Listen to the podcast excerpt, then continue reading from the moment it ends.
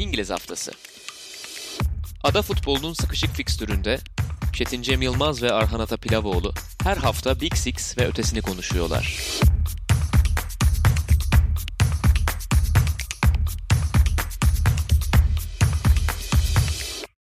Sokrates Podcast'a hoş geldiniz. Ben Çetin Cem Yılmaz. İngiliz haftası ile karşınızdayız. Arhan Atapilavoğlu ile beraber Premier Lig'in nabzını tutmaya devam edeceğiz. Sokrates Podcast'in sadık dinleyicileri e, aşinadır. Geçen sezon boyunca Boxing Day'i Toronto stüdyolarımızdan Ali Emre Mazlumoğlu ile birlikte yapmıştık. Kendisine de buradan hem selam olsun hem teşekkürler olsun. Bu sezonda İngiliz haftası ile beraber yine Premier Lig'in belki de biraz daha alt liglerinde İngiliz futbolunun genel olarak kültürüne dair, haftanın öne çıkanlarına dair, sayılarına dair ve biraz da saha dışına dair hikayelerle karşınızda olmaya çalışacağız. Tam 48 günlük bir aradan sonra Premier Lig geri döndü. Jesse Lingard, Kasper Schmeichel'a golü attı ve neredeyse 7 haftalık kısa bir aradan sonra pandemi devam ederken Premier Lig yoluna devam ediyor yeni sezonla. Ve biz de bu bölümde yeni sezonun tahminlerini, transferler sonrası değişen takımlarını ve hedeflerini konuşacağız. Ee, hoş geldin Arhan. Abi hoş bulduk. Çok teşekkür ederim öncelikle. Umarım ikimiz adına da, Premier Lig adına da, tüm paydaşlar adına çok güzel bir sezon geçiririz. Çok heyecanlıyım yeni sezon adına.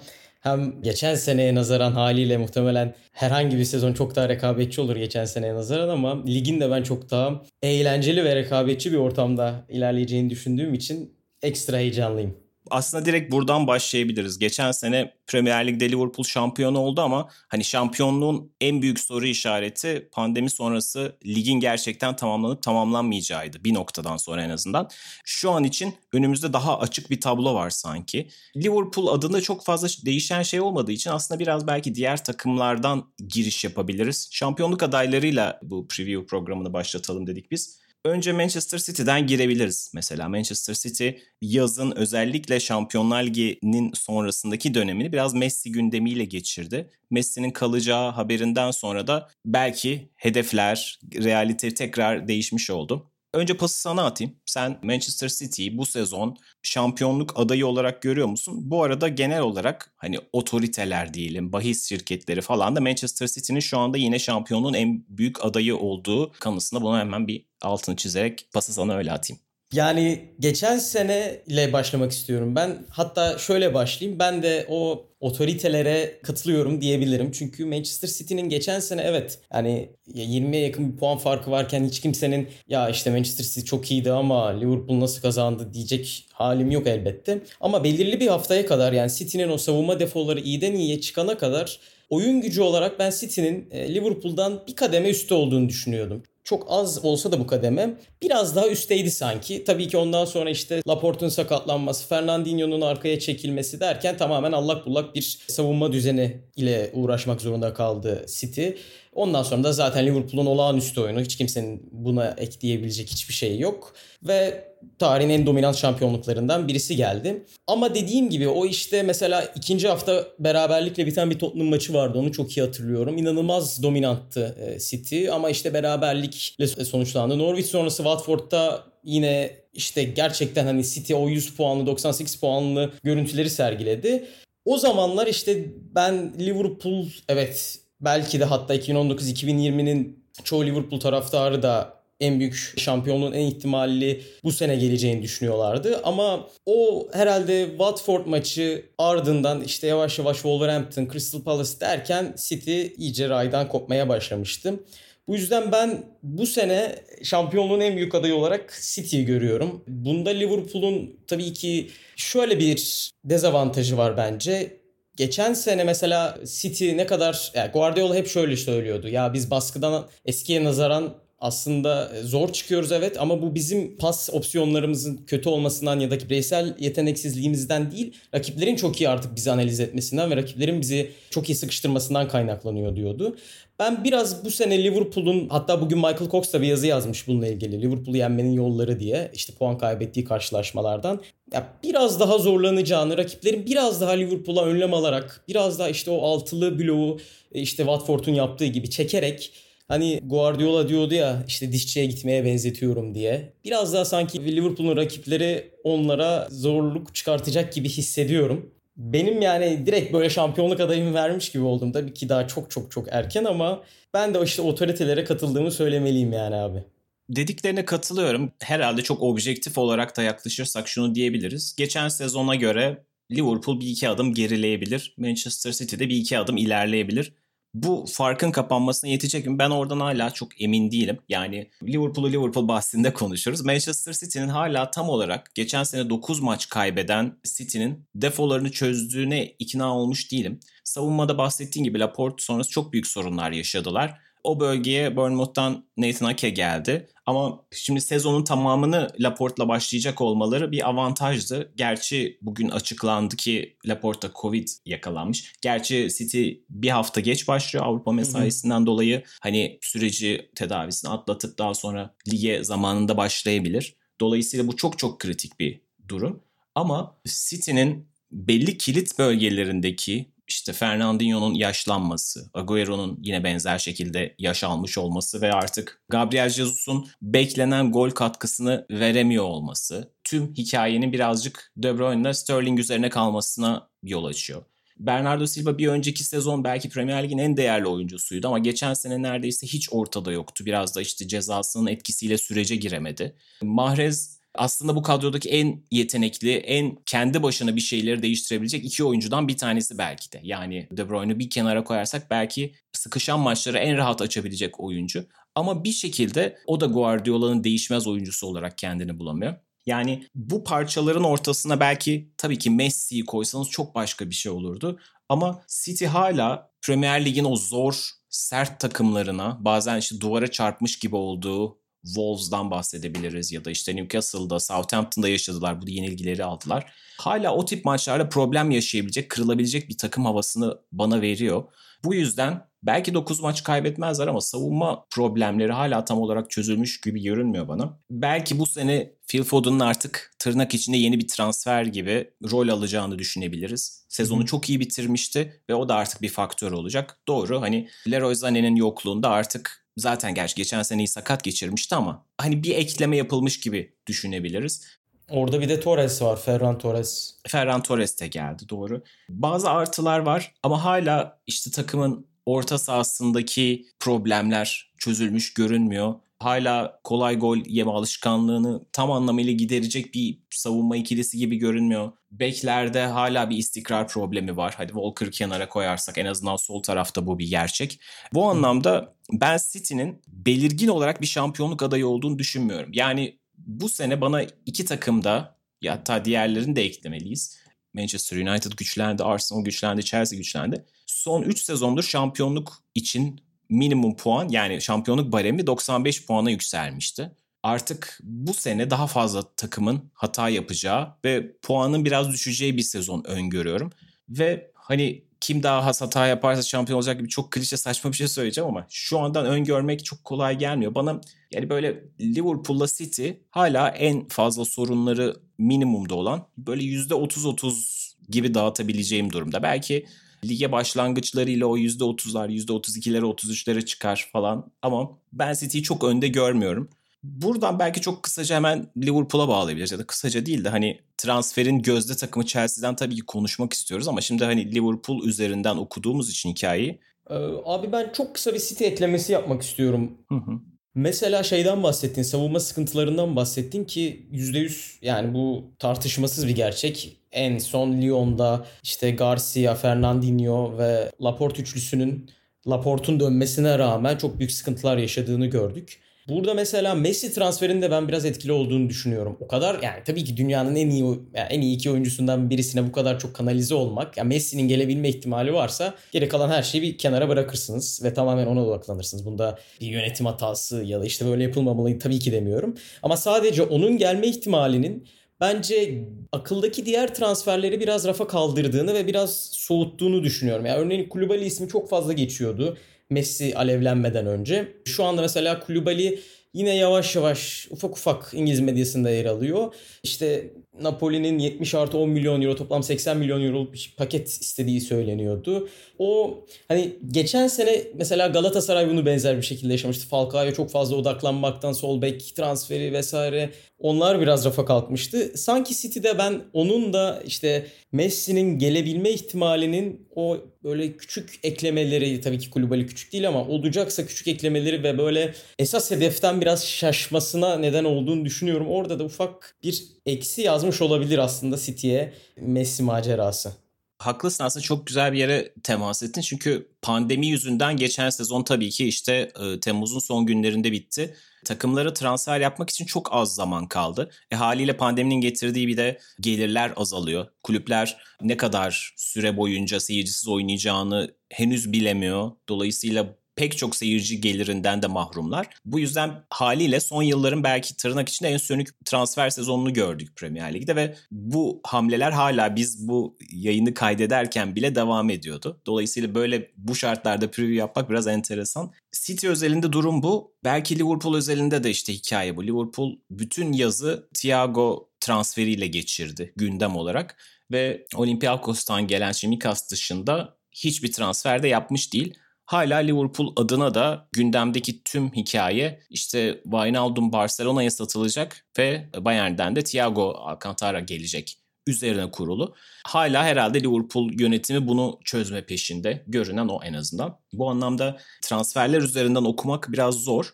Ama Liverpool birkaç senedir üzerine koya koya ilerleyen ve geçen sene en azından Mart ayına kadar da böyle peakine ulaşmış bir proje gibi görünüyordu. Şimdi Liverpool adına en enteresan hikaye bunu doygunluk olarak da niteleyebilirsiniz.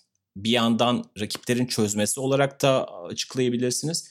Liverpool adına bir problem söz konusu. Geçen sezonu son 15 resmi maçın 7'sini kazanabilerek bitirdi Liverpool. Yani sezona olağanüstü başlayan tüm rekorları kırabilen bir takım. İşte o malum Watford maçı, kupada Chelsea'ye karşı kaybetme, daha sonra pandemi dönüşünde pek çok maç kaybeden bir takım görüntüsü verdi. E bunlar takımın motivasyonunun azaldığına falan da işaret edilebilir. Ama sezon yeniden başladığında işte Community Shield maçıyla beraber hala Liverpool'un bir anda eski temposuna dönemediğinin de işaretlerini verdi. Community Shield her zaman çok iyi bir gösterge olmayabilir ama bir göstergedir ve açıkçası Liverpool Arsenal karşısında hani beraberliği zor kurtardı denebilir. Penaltılarla kaybetti falan ama hı hı. neticede Liverpool'un bir sene öncesinin silindir görüntüsünde olmadığı açık. Birkaç soru işareti var. Bazı oyuncular aradan sonra çok iyi dönmediler. Salah, Mane, Firmino üçlüsü bunlara katılabilir. Ve üçü de 28 yaşında. Belki bu sezonu çıkartacaklar ve belki gelecek sezon artık bu oyuncuların birer birer belki değiştirilmesi gerekecek. Çünkü yaşlanan takımların en büyük problemlerinden bir tanesi budur. Tabii ki şimdi özellikle Salah ve Mane size her sene 20'şer 25'er gol tüm kulvarlarda yazarken onlardan vazgeçmeniz kolay değil. Ama bir yandan da bu üçlü yavaş yavaş işaretler mi veriyor? Yani bunu belki tartışmak gerekiyor. Liverpool adına en büyük hikaye bu olacak gibi sanki. Şimdi Liverpool'un son yıllarda çok fazla seviyesi yükseldi. Dolayısıyla hangi parça yerine bir oyuncu koyabilirsiniz sorusunun cevabı çok kolay değil. Yani Firmino çok eleştirilmeye başlanmıştı en azından gol sayılarıyla. Hani kendisinin skora yansımayan katkıları gerçekten zaten hepimizin çok iyi bildiği katkılar ama bir yandan bu kadar fazla golden uzak olan bir santrforun soru işareti yaratmaması da kaçınılmaz. Günümüzün işte gol obsesyonlu futbolunda da. Bu anlamda Liverpool'un iki sezondur oraya katmaya çalıştığı tüm yedek parçalar diyelim bir şey oldu. Origi tam katkı veremiyor bir türlü. Minamino Ocak ayında geldikten sonra ilk başta pek iyi uyum sağlamamış gibiydi ama bu senenin enteresan çıkış yapan oyuncusu olabilir. Onu şerh düşmek gerekiyor. Ve Timo Werner Liverpool'un peşinden koştuğu ama sonra Chelsea'ye kaptırdığı bir transfer. Bu anlamda o ön tarafın yerinin doldurulamamış olması, daha doğrusu bir desteklenecek bir parçanın bulunamamış olması sanki Liverpool'un o çözüldüğü tırnak içinde ya da rakipleri çözemediği maçlarda elini zayıflatan bir unsur olacak gibi görünüyor.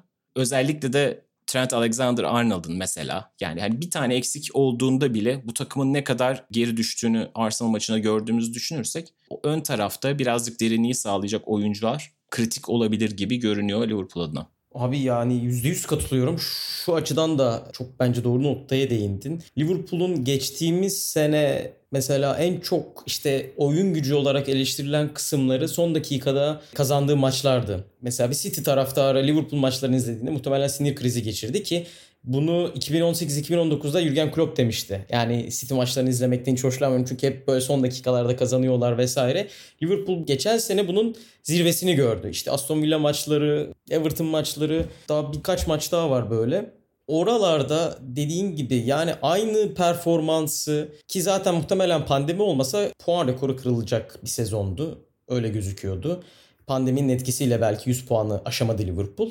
O dediğin tıkanan maçlarda işte Firmino'nun, Salah'ın, Mane'nin üretemediği maçlarda ne olacak benim için de en büyük soru işareti. Bir ikinci soru işareti de zaten City'de bahsetmek istediğim işte rakiplerin artık zaten geçen sezon devam ederken inanılmaz önlem aldığı Liverpool'a bir buçuk kat daha önlem alması ve işte o zaman ne olacak? Benim kafamdaki en büyük soru işareti şimdilik o gözüküyor. Yani bir de transferlere ufaktan bir şey eklersem de mesela biz Eylül sayısı için İbrahim Altınsay sevgili İbrahim Altınsay ile konuştuğumuzda güzel bir şey demişti.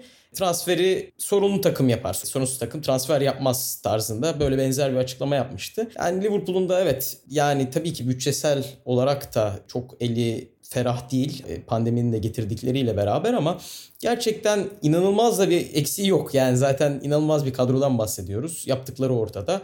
Orada Thiago Wijnaldum bir Barça'ya gider bir Liverpool'a gelirse ya orada benim biraz soru işaretim var. Tam eşleşme olur mu? Wijnaldum'u ya Thiago inanılmaz bir oyuncu. Bayern Münih'te Şampiyonlar Ligi'nde gördük neler yaptın. Belki Bundesliga'yı çok fazla izlemiyoruz ama ne kadar özel bir oyuncu olduğunu Portekiz'de her maç belki de kanıtladı. Ama işte bence Liverpool'u zaten özel kılan nokta parçaların bütüne ilerlemesi ve orada Wijnaldum bence önemli bir parça. Bakalım yani transferde bu kadar sessiz kalmış bir takımdan sanki Chelsea'ye geçmekte artık yarar var gibi geldi bana. Evet bir çok ufak bir not ekleyeyim Liverpool'a dair. Liverpool'un sezonunun ne olacağını belki de o ilk 8 maç belli edecek çok sert bir fikstürle başlıyor Liverpool. İlk hafta ilk hafta özellikle Bielsa'nın Leeds ile oynuyor. İkinci hafta Chelsea deplasmanı, dördüncü hafta Arsenal, beşinci hafta Everton deplasmanı, sekizinci hafta Manchester City deplasmanı. Bu sekiz maç içerisinde hani Liverpool eğer sekiz maçtan beş galibiyetle çıkarsa geçen senenin benzeri hani belki tamam 95 puanlı 100 puanlı bir şampiyonluk değil ama Liverpool'un yine en hızlı çıkışı yapacağı, ligin tonunu belli edeceği bir sezon görebiliriz diye düşünüyorum. Ama hı hı. o 8 maçtan 3 galibiyet de çıkabilir. Bir anda algı da değişecektir. İşte panik yazıları yazılacaktır. Niye transfer yapmanız eleştirileri falan. İş başka bir yere dönüşebilir. Son yılların en iyi yönetilen, en sakin, hani taraftar yönetim, futbolcu birlikteliğinin sinerjisinin en iyi olduğu kulüp olan Liverpool bir anda çok enteresan yerlere gidebilir. Hani bir anda kaos olur demiyorum ama birkaç senedir unuttuğu tartışmaları yaşayabilir Liverpool. Hı hı. Bu enteresan olacak gibi. Oradan evet pası Chelsea'ye atabiliriz. Chelsea Football Manager sezonu gibi bir yaz sezonu yaşadı. Timo Werner, Hakim Ziyech, Kai Havertz, Thiago Silva, Malangsar. Hani pek çok gözde transferin gözde oyuncusu. Ben Chilwell. Ben Chilwell evet. Unutuldu yani. Evet yani gerçekten. Aynen. Bu senenin yani pek çok takımı bir transferle iki transferle geçtiği ortamda neredeyse ilk 11'i yarısını değiştiren bir takım haline geldi Frank Lampard. Önce sen başla sonra da ben Chelsea'den konuşayım istersen. Abi dediğin gibi gerçekten bambaşka bir çevreye büründü Chelsea ve futbol manager gibi kesinlikle yani bundan geçen senenin acısını gerçekten çıkardı Frank Lampard. O işte transfer transfer transfer diye Ocak aylarını geçirdiği dönemden buraya gelmesi işin Premier Lig'in bu kadar suskun kaldığı bir dönemde olağanüstü. Yani gelen oyuncular hakkında bir yorum yapmak bana biraz abes geliyor. Hani Timo Werner hakkında ne diyebiliriz ki? Hani daha ne kadar fazla ne ekleyebiliriz? Pek bilmiyorum doğrusunu söylemek gerekirse. Yani orada benim mesela enteresan, bana enteresan gelen ve katıldığım bir nokta şuydu. Ciro'ya şey sormuşlardı. Hani muhtemelen forma şansı sürelerin biraz daha azalacak. Neler düşünüyorsun bu sezonla ilgili? Pek korkum yok çünkü hani Werner farklı ben farklı bir oyuncuyum demişti. Gerçekten de Lampard'ın önünde o kadar çok opsiyon var ki e, Ciro'yu en uçta atabilir ki bence bu yatsınamayacak bir opsiyon. Yani ben Ciro'nun tüm sezon yedek kulübesinde oturacağını hiç düşünmüyorum. Ve dediğim gibi Werner'i en ucu atabilirsiniz, sola atabilirsiniz, orta sahada kullanabilirsiniz. İşte forvet arkası vesaire Kai Havertz geldi. Abi dediğin gibi yani herkes transferin yani Premier Lig yapacağını tahmin ediyorduk. Ama hani bu kadar gümbür gümbür geleceğini ben bundan bir geçen sene en azından bundan bir sene önce çok öngöremezdim. Bir de bence en çok atlanılan isim yani tabii ki Werner ve Kai Havertz sonrası Hakim Ziyeh. Yani o Ajax'ta Şampiyonlar Ligi macerasında o sahte 9 rolüyle yaptıkları ilk hatta ben yani Werner gelmeden önce bile bayağı eli çeşitlendi diyordum Ziyech geldikten sonra. Şimdi tamamen başka bir evrene geçti Lampard opsiyon anlamında. Geçenlerde şey gördüm bir de hani savunmaya niye bu kadar az yatırım yapılıyor falan filan ama Thiago Silva geldi. İşte Malang Sar geldi. Belki Sar kiralanacak ama Chilwell, Thiago Silva, Malang Sar orası da gerçekten bir anda e, seviye atladı. Ben savunma anlamında da sıkıntılar çekmesine rağmen geçen sene Chelsea'nin bu sene Thiago Silva'nın bir fark yaratacağını düşünüyorum eğer sağlıklı kalırsa. Emre abiyle, Emre Özcan'la konuşuyorduk dün. Rüdiger hakkında çok güzel bir yorum yaptı. Hani yanına Silva gibi bir lider arıyor demişti ki bence çok doğru bir yorum. Ben Rüdiger'in de performansının Thiago Silva sayesinde bir buçuk kat artabileceğini düşünüyorum. E, zaten hani Van Dijk örneğinden tabii ki gelir Van Dijk katkısı yapar demiyorum ama o örnekten biraz baz alabiliriz. Bir liderin, iyi bir savunma liderinin yalnızca bir stoperi değil tüm savunma hattını hatta ve hatta kaleciyi ne kadar yukarı çekebildiğini yıllar içerisinde pek çok kez şahit olduk. Burada da Thiago Silva bunu yapabilir gibi geliyor bana. Çünkü PSG'de ne olursa olsun hani yerel ligini tartışabiliriz ama o kadar uzun süre hem Brezilya'da hem PSG'de yaptığı kaptanlık Chelsea'nin bence aradığı o geçen sene o tam bir savunma liderini bulamamasının tam çözümü çaresi olmuş gibi geliyor bana. Yani Lampard'ın neler yapacağını, nasıl bir 11 süreceğini gerçekten merakla bekliyorum. Evet kağıt üstünde çok heyecan verici transferler ve çok alternatifli oldu. Şimdi hangi takımın sol tarafında bu kadar alternatif var ki şimdi 3-4-3 oynasalar Alonso oluyordu. Önünde Pulisic oluyordu mesela. Şimdi artık Ben Chilwell de katıldı. Orada hem Pulisic hem de dediğin gibi Timo Werner bile kullanılabilir. Giroud'un merkezde olduğu bir modelde. Çok fazla opsiyonu var. İşte Hakim Ziyeh merkezde de oynayabilir, kanatta da oynayabilir. Havertz'in varlığında herhalde kendisinin sağda oynayacağını tahmin edebiliriz. Ön tarafta bir dörtlü bir diamond mı yapacaklar? Bu durumda orta saha Kante Kovacic ikilisine mi kalacak falan çok fazla keyifli problemi var ön taraf anlamında. Thiago Silva'nın da çok olumlu katkı yapacağını kesinlikle katılıyorum. Geçen sene Frank Lampard kaybettikleri, 3-0 kaybettikleri yaz aylarında oynanan, pandemi sürecinde oynanan Sheffield United maçından sonra çok kızgındı oyuncularına. Dedi ki hepiniz duymuşsunuzdur. Saha içerisinde sesi sadece sesi çıkan oyuncular sadece Sheffield United'lılardı. Onlar daha fazla istediler dedi. Hani saha içerisinde de o karakter koyan, daha fazla isteyen, bağıran, çağıran, isyan eden ve takım arkadaşlarını da ateşleyen lider karakterli bir oyuncu da almış oldu bir yandan Thiago Silva. Ve aynı zamanda evet savunma pozisyonlarında da mutlaka işte sağ bekte Reece James'in oynayacağını düşünürsek yanında da ya Rüdiger ya Zuma ya da işte Christensen mutlaka çok olumlu katkı yapacaktır. Katılıyorum. Ama geçen sene bir türlü çözemediği bazı savunma sıkıntıları vardı. Yani Frank Lampard'ın. Ben bunlarla ilgili hala tam olarak ikna olmuş değilim. Yani şöyle bunu görmemiz gerekiyor tabii. Bir kaleci problemi yaşanmıştı.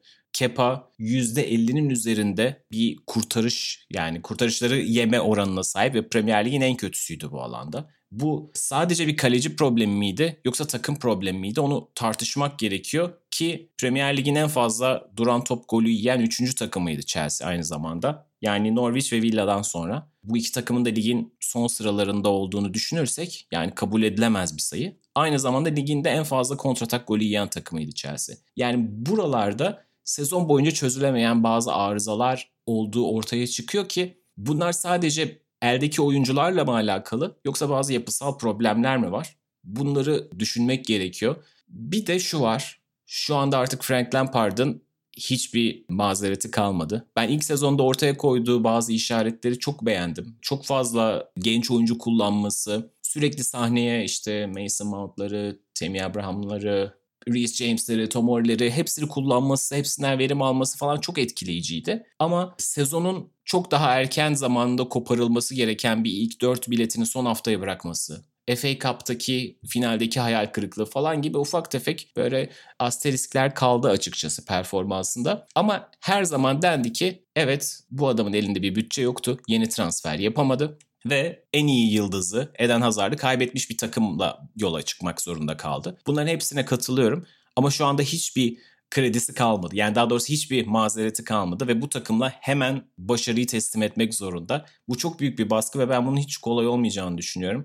Şu anda bu kadroyla bir üçüncülük kimseyi tatmin etmeyecek. Dolayısıyla hani kimseyi şey diyemez yani işte Manchester City ile Liverpool çok oturmuş takımlardı biz onlara yetişmeye çalışıyoruz deme lüksü kalmadı. Çünkü yüz milyonlarca pound harcandı bu takıma.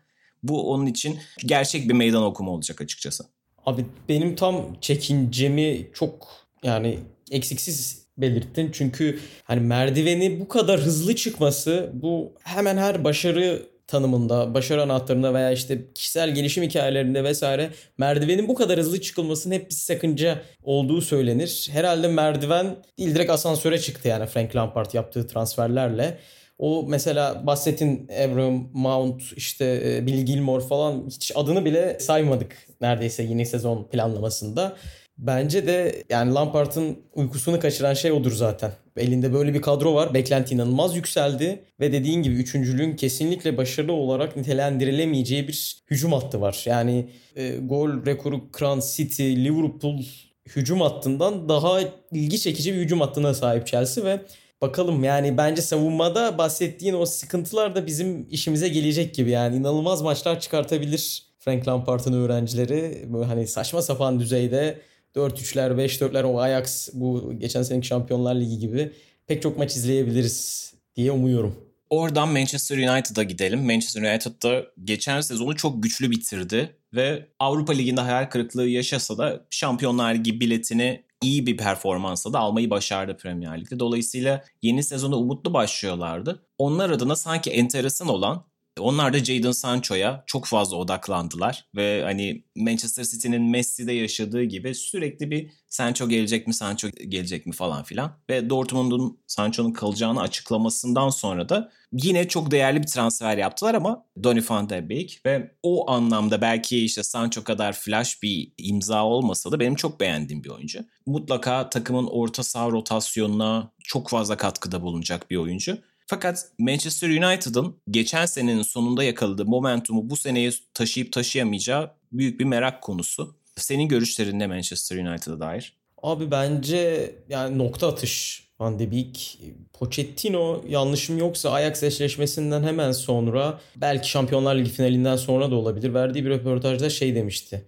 Kesinlikle De Jong ve Delik çok üst düzey oyuncular ama benim en çok gözüme çarpan isim eşleşmede Van de. Onun ben asıl transfer yapmasını bekliyorum demişti. O biraz transferi geç yaptı arkadaşlarına nazaran.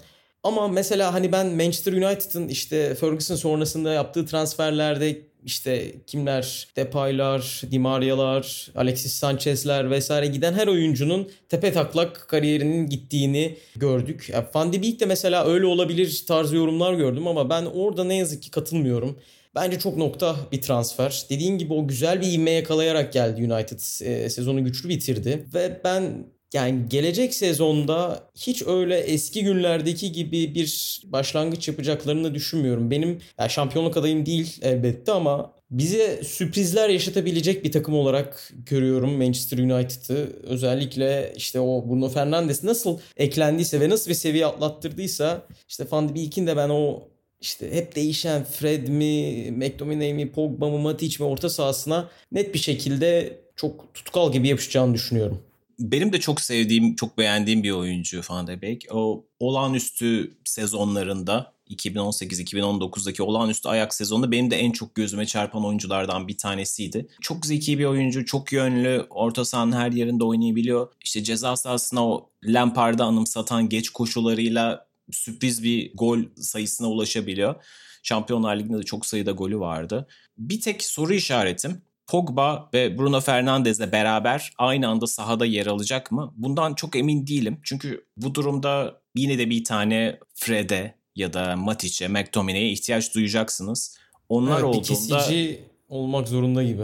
Evet onlar olduğunda da daha Diamond gibi mi dizilecek bu oyuncular? Belki Bruno Fernandes merkezde olacak ama bu sefer de önde sezonun sonunu çok iyi bitiren bir Rashford, Martial, Greenwood üçlüsünden bir tanesi mi kesilecek? Bunlar soru işaretleri. Ama şu bir avantaj tabii ki. Manchester United o çok formda geçirdiği pandemi dönemini neredeyse hiç bozmadan hep aynı 11 ile oynadı.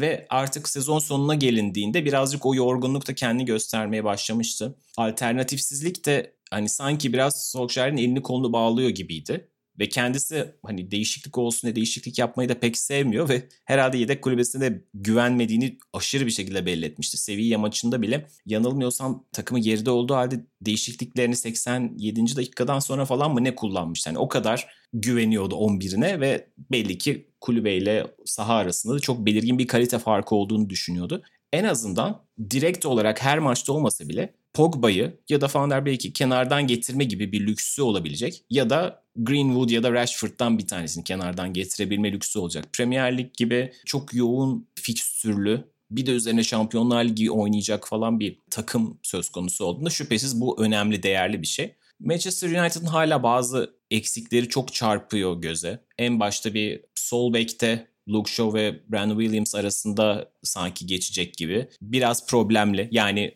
Van Bissaka beklenen başlangıcı yapamamıştı ama en azından iyi bir yaz dönemi geçirdi. O sezon yeniden başladıktan sonra neden 50 milyonluk transfer olduğunu biraz hatırlatan oyunlar oynadı. Sol tarafta aynı kaliteyi görmek çok mümkün değil ve hala çok tartışılan işte Lindelöf, e, Maguire tandemi. O da biraz problem yaratmaya devam edecek gibi. Hala çok ikna edici bir ikili değil.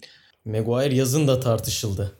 Zaten evet bir de aynen bir tutuklanması işte mahkemesi falan onun bazı problemleri de söz konusu. Yani e, De Gea da ayrı bir soru işareti ama en azından milli maçta İspanya'nın oynadığı Uluslar Kupası maçında Almanya karşısında oldukça iyi oynadı. Hani belki o anlamda bir yeniden doğuş sezonu yaşanabilir. Manchester United ligi çok iyi bitirdi. Bitirdiği yerden alabilecek mi bilmiyorum ama bence de ilk dört adayları arasında Big Six'in diğer adaylarına göre hani iyi bir konumda bence. Arsenal'la Tottenham'ı bir parça önünde görüyorum ben açıkçası. Ben de kesinlikle. Bu arada De Gea ya ek olarak Dean Henderson'ın da dönmesi Doğru evet Sheffield United'da harika rahatlatma bir yaşamıştır United taraftarları. Evet en azından şimdi öyle bir opsiyon da var. Belki arada Aynen. dinlendirebilecek veya kenara dönebilecek Solskjaer'de. Arsenal'a dönelim. Arsenal'da çok enteresan bir yaz dönemi yaşadı. Yaklaşık 250 günlük görev süresinde Arteta iki tane kupa kazanmış oldu. Ve o kupa yolları da hani tartışılır belki ama o kısa süre içerisinde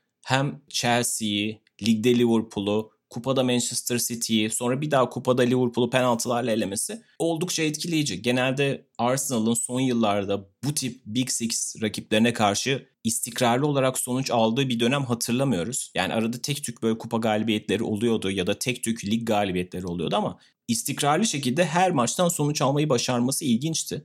Yani her maçın hikayesi belki ayrıydı, tartışılır falan ama neticede bir kazanma kültürü oluşturmaya başlaması enteresan Arteta'nın. Çok büyük hamleler yapılmadı ama yine savunmaya Gabriel geldi, William takviyesi yapıldı ve Arsenal için enteresan taraftarların belki uzun zamandır en çok heyecanlı olduğu sezon başlıyor. Sen nasıl görüyorsun Arsenal'ı?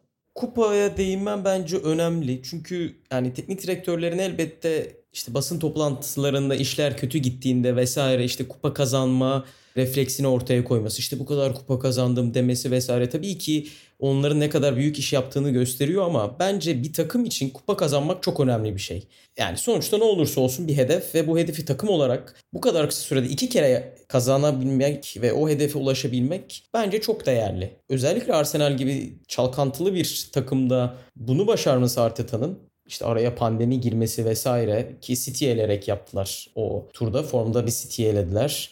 Liverpool keza yani Community Shield'da kazanmaları.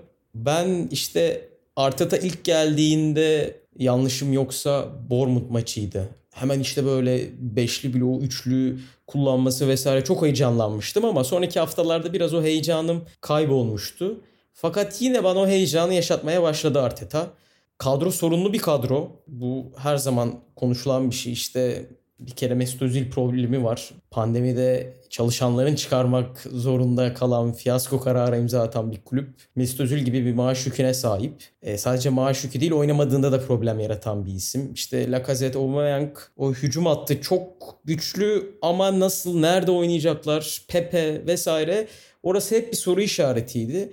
Oradan ufak ufak artık da bir çözümler üretmeye başladı. Aubameyang sol kenara atarak hani ben gol sayısı düşer mi acaba onu oraya atması doğru mu diye düşünüyordum ama hiç frene basmadan hatta gaza bile basarak bazı yerlerde devam etti. Savunma ne desem bilmiyorum işin aslını söylemek gerekirse.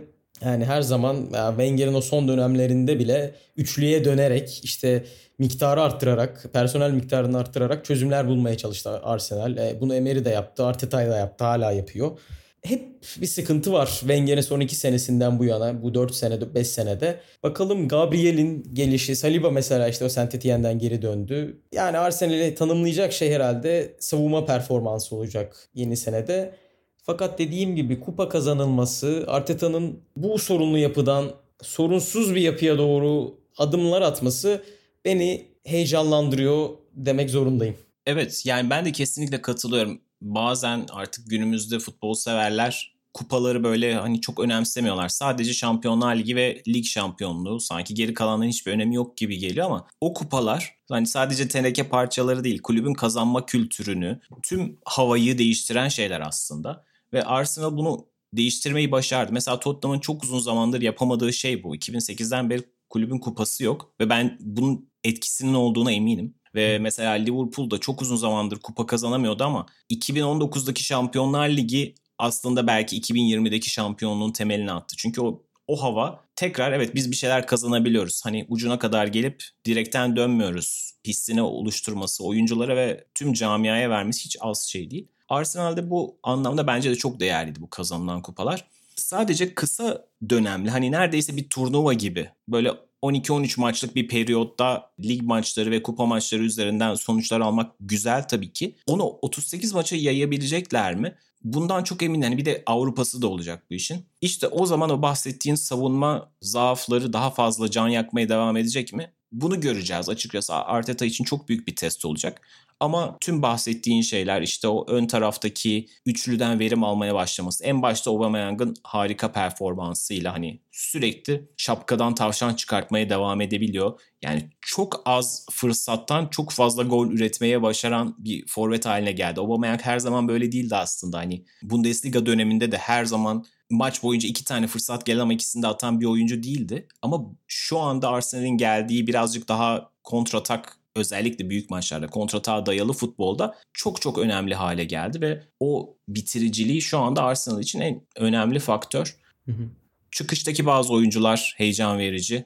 Özellikle Bukayo Saka ve Tierney gibi bunlara diğer oyuncular ne kadar katılacak? Hani Pepe arada parıltılar gösterdi ama hala o işte 70-80 milyonluk oyuncu etiketinin altında kaldı birazcık. Bu sene onun da artık istikrarlı bir faktör olması çok kritik. Ama evet Arsenal savunmasıyla var olmak zorunda ve savunmaları sezon boyunca onları nereye kadar taşıyacak göreceğiz. Kendilerinin ezeli rakipleri Tottenham'a atalım oradan da pası.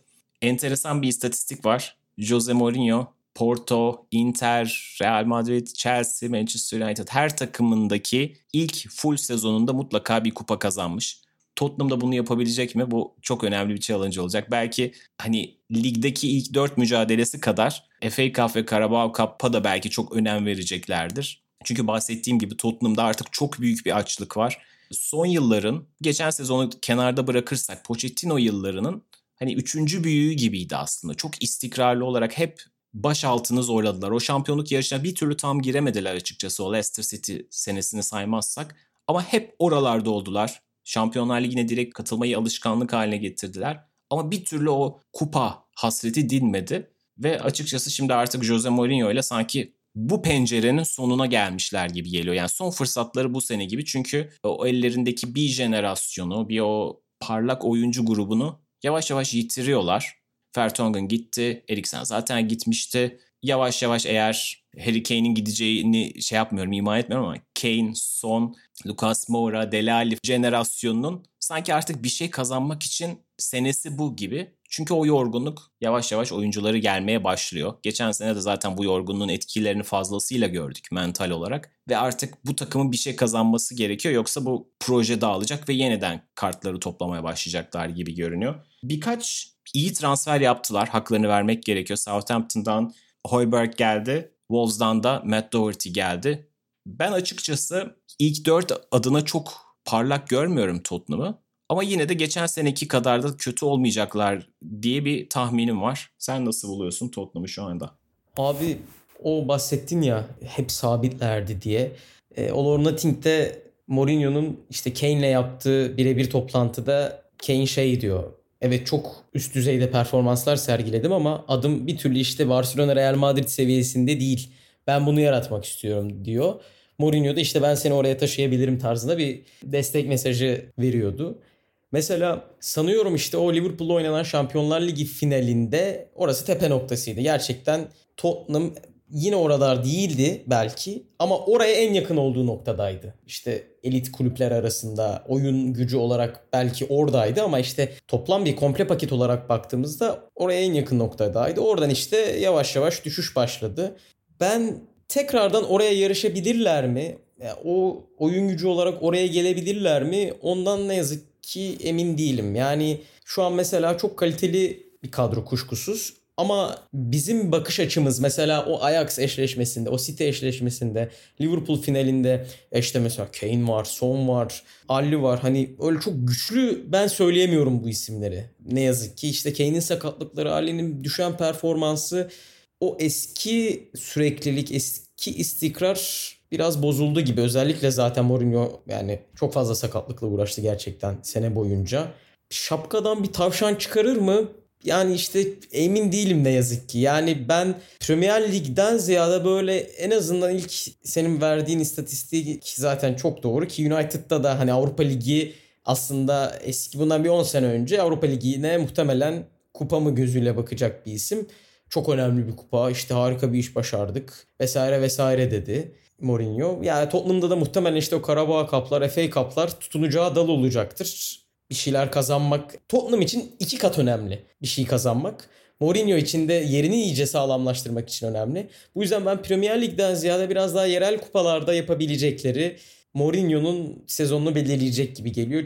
İlk dört içerisinde pek göremiyorum ne yazık ki Tottenham'ı. Evet yani Tottenham'da belki Tottenham'a çıkamadığı o çarptığı camdan tavan biraz belki o çok beğendiğimiz Harry Kane ile ilgili bir problem belki çok yok sayısal olarak ama son Dele Alli ve işte yanlarında Lucas Moura'yı da saymak gerekiyor. Hı hı. Onlardan aldığı belki gol katkısı. Çünkü bu oyuncular bir türlü işte Salah ve Mane'nin ya da işte Sterling'in yaptığı gibi 20 golü sana düzenli olarak veremiyorlar.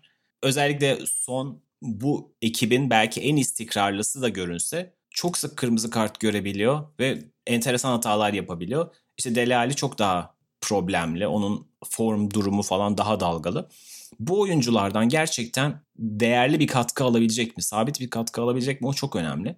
Harry Kane evet çok bu kulübün sembol oyuncusu. Ama son 4 sezonun 3'ünde 30 maçın altında oynamış. Yani yaklaşık 10 maçı kaçırıyor sakatlıklardan dolayı. Bu artık Kane'in bir parçası olmuş durumda.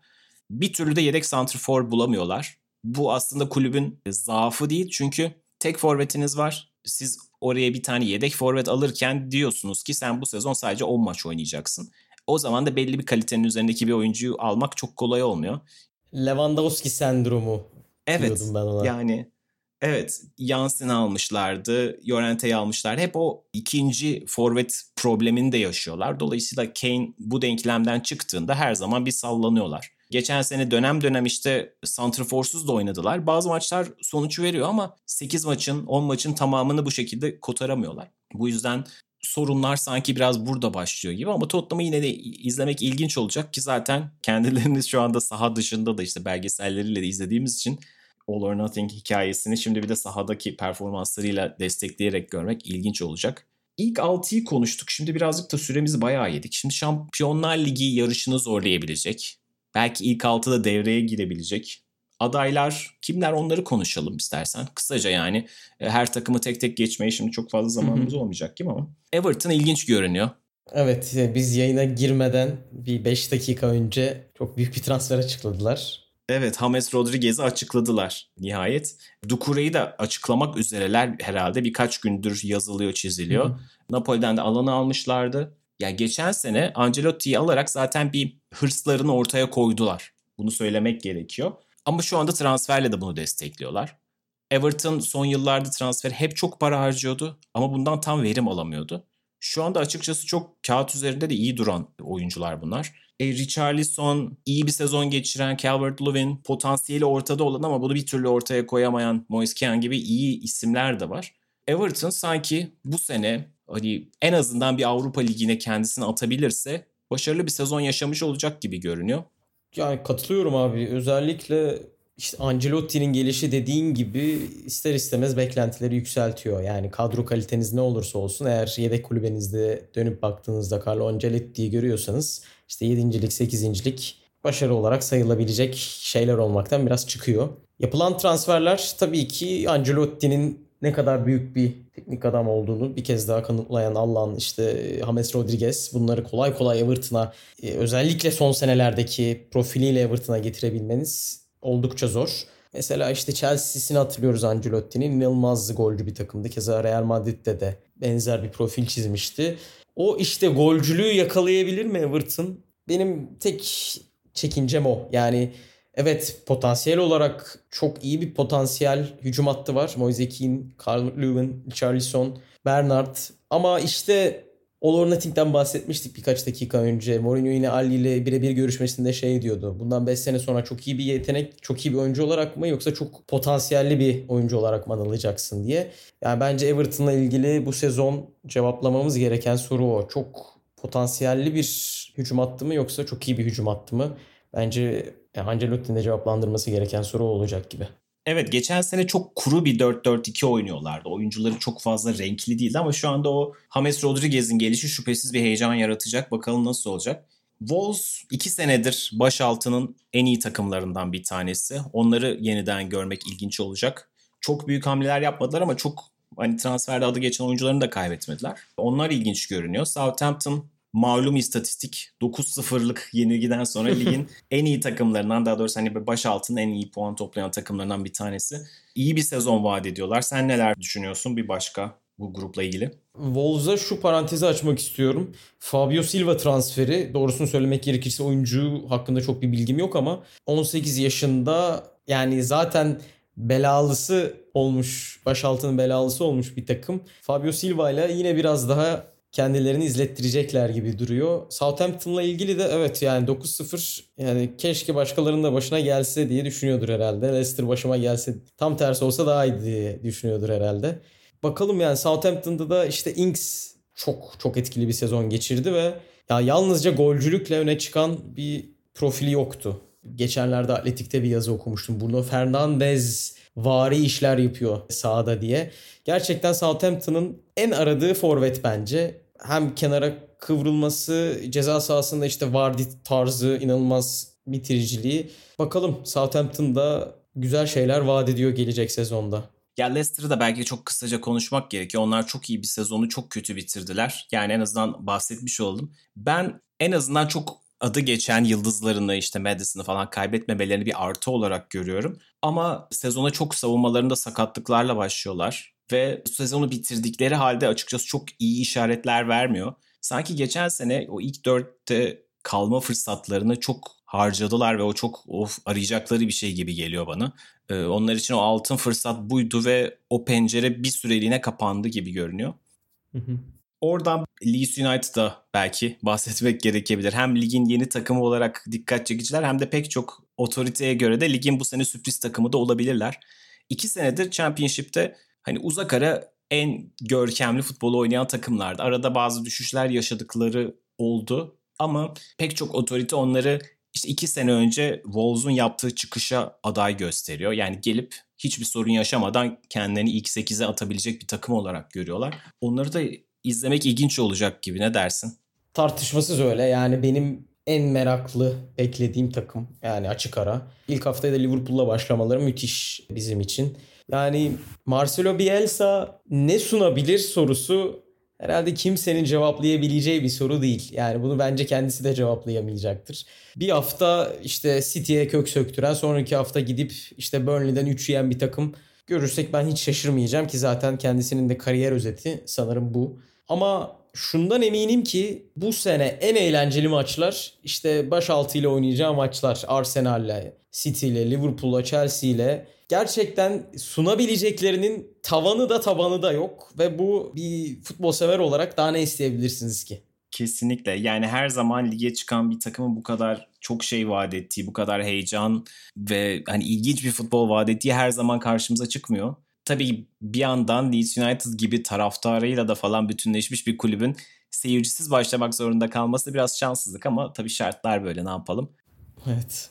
Diğer çıkan takımlardan da West Brom sanki yani problem yaşamaya aday takımlar gibi görünüyor. Pek çok yorumcu tarafından düşme adayı olarak görülüyor. Şimdi tabii Bilic'li West Brom şüphesiz ilgi çekecek. Fulham'da da benzer şekilde yine pek çok tanıdık yüz olması. Hem Seri, Lemina, Fabri hala kadroda.